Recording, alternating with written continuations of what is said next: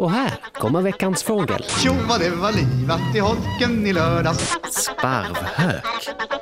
Jag antar att sparvhöken är en liten hök.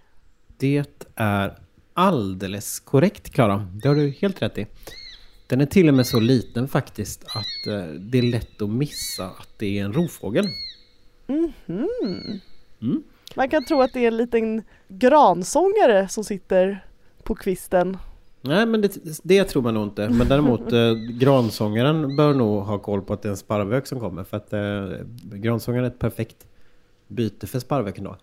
Men jag brukar tänka så här att eh, man kan blanda ihop den med liksom en duva eller en någon liten kråkfågel, alltså en kaja eller någonting som är ungefär den storleken. Så att jag skulle nog säga att alla som lyssnar på den här podden har sett en sparvhök flera gånger.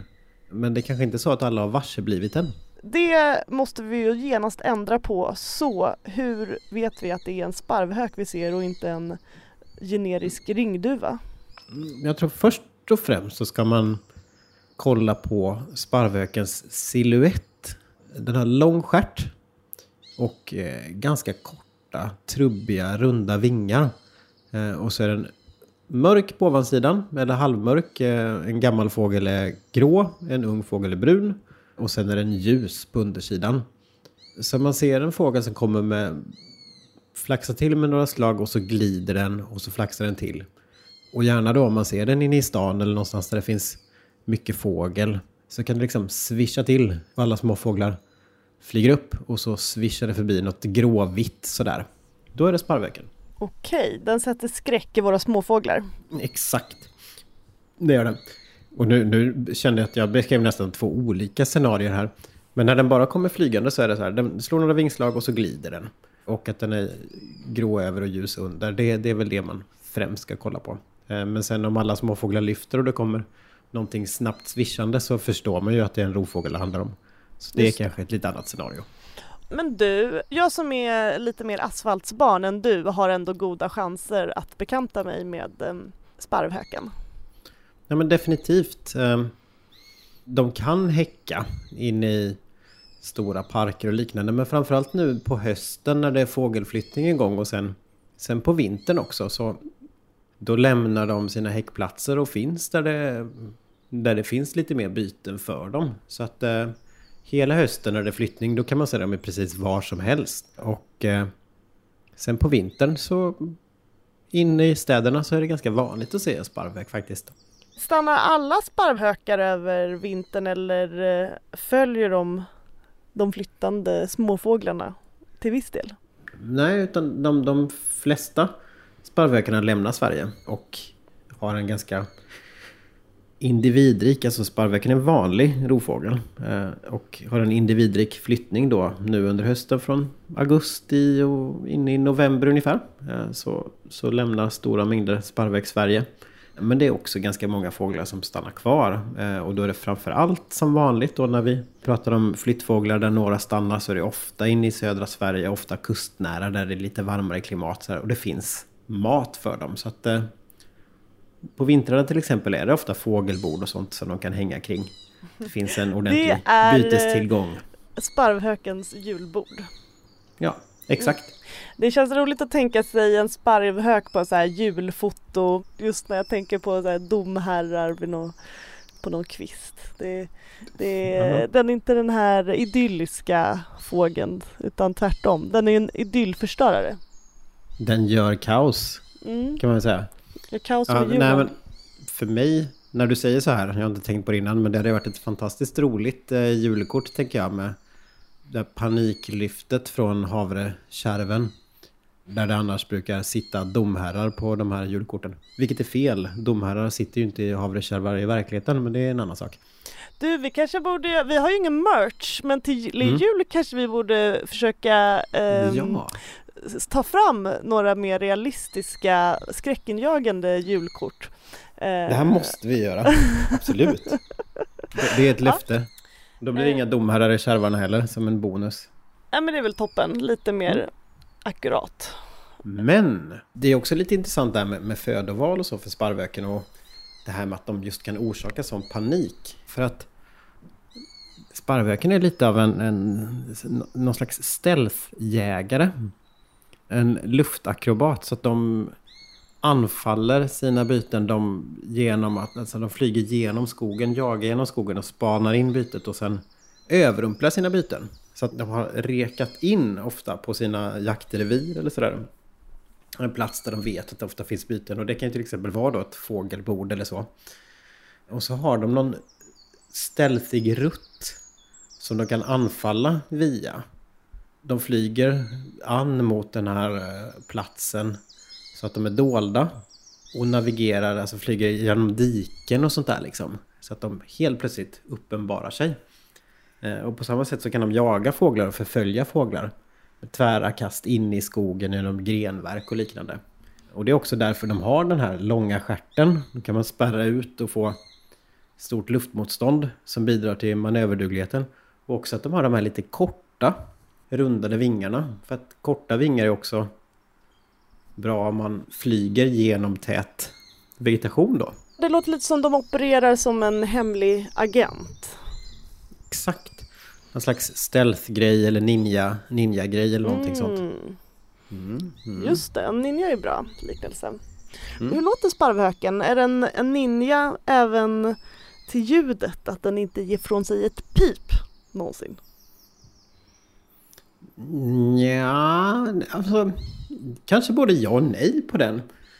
Den har ett läte som jag tycker att man inte hör särskilt ofta. Så att i det avseendet så, så kanske den är det. Men sen det här ljudet, när det väl hörs då, så är det ganska ljudligt. Eh, och det är väl någon slags... Som inte låter vare sig coolt eller ninjalikt eller någonting. Utan det, det är ju mest någon slags läte och kanske rovfågelläte sådär. Så att, men relativt tyst av sig får man då säga att den är. Det här är inget läte som jag tänker på att jag hör särskilt ofta eller så som, som fågelskådare. Så att, mm, lite diskret är det nog. Kalasar de på småfåglar året om? Precis.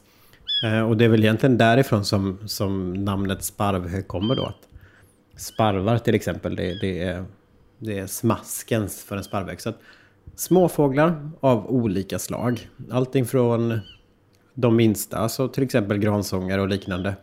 Eh, och upp till kanske koltraststorlek ungefär. Står på menyn. Jaha, oj, det är ju ändå stort. I, alltså mm. jag tänker bara i förhållande till en duva nu som jag har mer top of mind så tänker jag att det inte är mm. jättestor skillnad eh, i storlek. Nej. Nej, precis. Men sen, sen kan vi också notera att eh, det är stor skillnad i storlek på sparvhökar. Ehm, och så här är det hos rovfåglar då att eh, honor är större än hanar. Och just mellan hane, hona och sparvhök då, eller hos hökar rent allmänt, så är den här skillnaden extra påtaglig. Så sparvhökshannen är en riktigt liten rovfågel och sparvhökshonan är en inte fullt så liten. Så det är honan som tar de här lite större bytena också.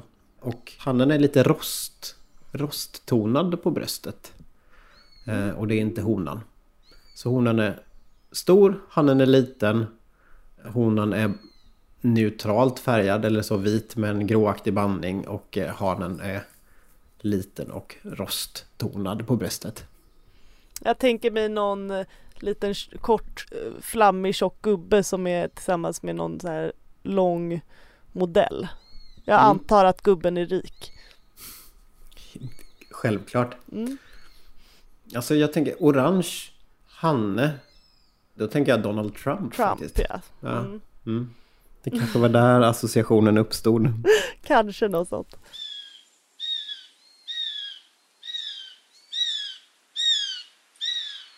Om man kommer lite närmare då så ser man att den är tvärvattrad då eller fint tvärrandig på bröstet eller på, på undersidan.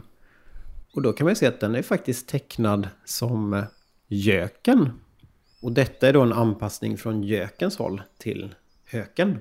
Mm. Eh, för att det göken gör det är ju att den vill lägga ägg i småfåglars bon. Och då borde ju småfåglarna bli väldigt, väldigt arga på göken när den kommer. Men om göken då är lik en hök. Men då blir de bara rädda. Som är farlig för småfåglarna. Ja. Så blir det ju lättare.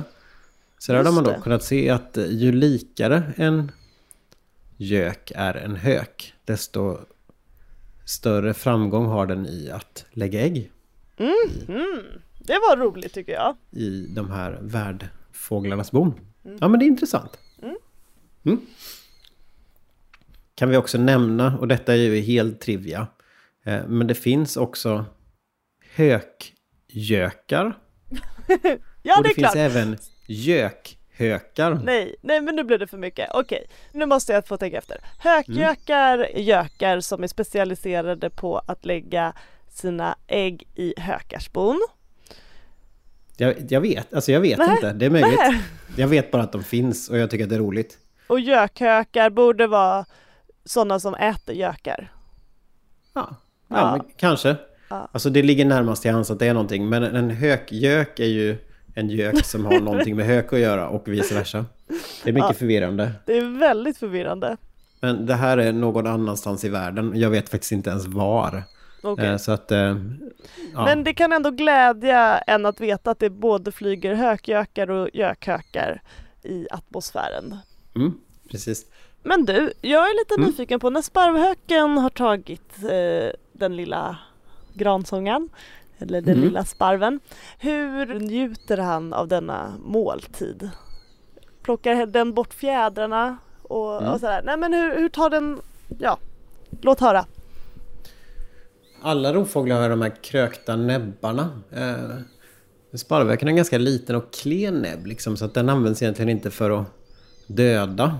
Utan sparvhöken tar sitt byte och flyger ofta undan då till en lite diskret plats där den kan konsumera eh, bytet. Eh, och så plockar den, använder den näbben till att plocka fjädrar. Och sen använder den näbben till att dra kött. De- de- levande? Plockar den fjädrarna när du sa att den inte dödar den med näbben? Är den levande när den plockar kan ju fjädrar? döda med klorna. Ah, Okej, det var ju kan den bra göra. det i alla fall. Lite sen- mer rimlig avrättning. Mm, det där kan nog gå till på lite olika sätt faktiskt.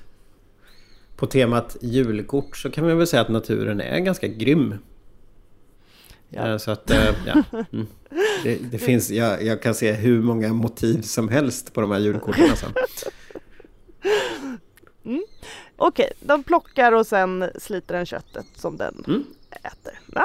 Ja, Kul! precis. Då eh, hörs vi igen om en vecka med en ny fågel. Så får du ha Mm. det så fint tills dess. Ja, precis. Detsamma. Tack!